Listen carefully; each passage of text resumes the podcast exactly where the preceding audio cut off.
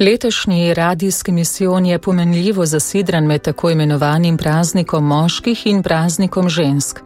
Zato današnji rdeči niti moški in duhovnost o prazniku svetega Jožefa dodaja ravnotežje z drugim pogledom o materinstvu in ženski duhovnosti provincialni minister slovenske frančiškanske province svetega križa, pater Marjan Čuden.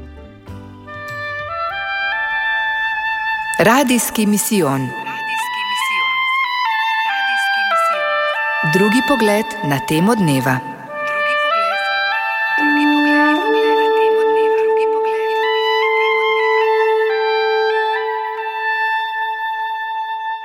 O materinstvu in ženski duhovnosti ne moramo govoriti brez Božje Matere Marije. V Mariji slavimo sijaj žene, lepoto materinstva veličino rojstva. Marijo občudujemo, ker je vsa prosojna za ljubezen. Ona je polno uresničeni duhovni človek, bitje, ki odseva Božjo podobo brez vsake motnje. Marija je mati, ki nas svojo milino vodi k Bogu. Potrebujemo Marijino blagost, da bi razumeli stvari, ki jih od nas zahteva Jezus. Včasih te stvari ni lahko razumeti, naprimer, ljubite sovražnike, delajte dobro, dajajte ne, da bi karkoli pričakovali. Dor te bije po enem licu, nastavi še drugo, dor ti vzame plašč, mu ne brani tudi suknje. Gre za velike stvari. Vse to je na svoj način živela Marija, to je milost njene blagosti, milost njenega duhovnega življenja.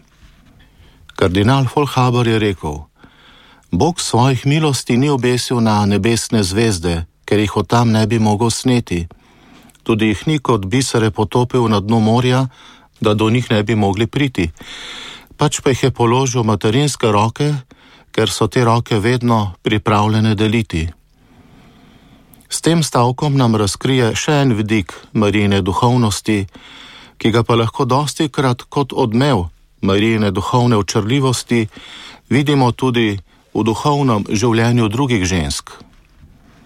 Sveti papež Janus Pavel II. je v ženski duhovnosti zapisal: Ženska je poklicana, da bi bila usmerjena v odnose, v notranje življenje, v pozornost do drugih, v življenje.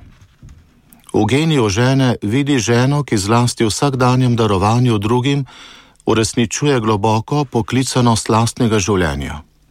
Žensko, ki morda bolj kot moški vidi človeka, ker ga gleda srcem. Zaradi tega so ženske bolj sposobne poslušati, sprejemati in se velikodušno odpreti drugim. Papež Frančišek pa je poudaril: Brez ženske v svetu ni harmonije. Moški in ženska nista enaka, niti ne eden više od drugega pa vendar je ženska in ne moški tista, ki prinaša harmonijo, ki iz sveta naredi nekaj lepega. Ni pretiravanje, če rečem, da vsaka civilizacija stoji na ženskah, namreč, če ženska ne razodeva ljubezni, če ni varuhinja življenja, potem tega tudi v družbi ni. Še posebej lahko ženska to prispeva, če živi svojo vero na močan, duhoven in pristan način. Zgledov je poleg nebeške matere veliko: Sveta Marija Magdalena, Sveta Klara, Sveta Mati Terezija, posebej pa bi izpostavil Sveto Terezijo deteta Jezusa, ki je rekla: V srcu cerkve bom ljubezen. Njen stavek, nekoliko prirejen, bi postavil kot nekakšen moto za žensko duhovnost v našem času. V srcu življenja bom ljubezen. Radijski misijon.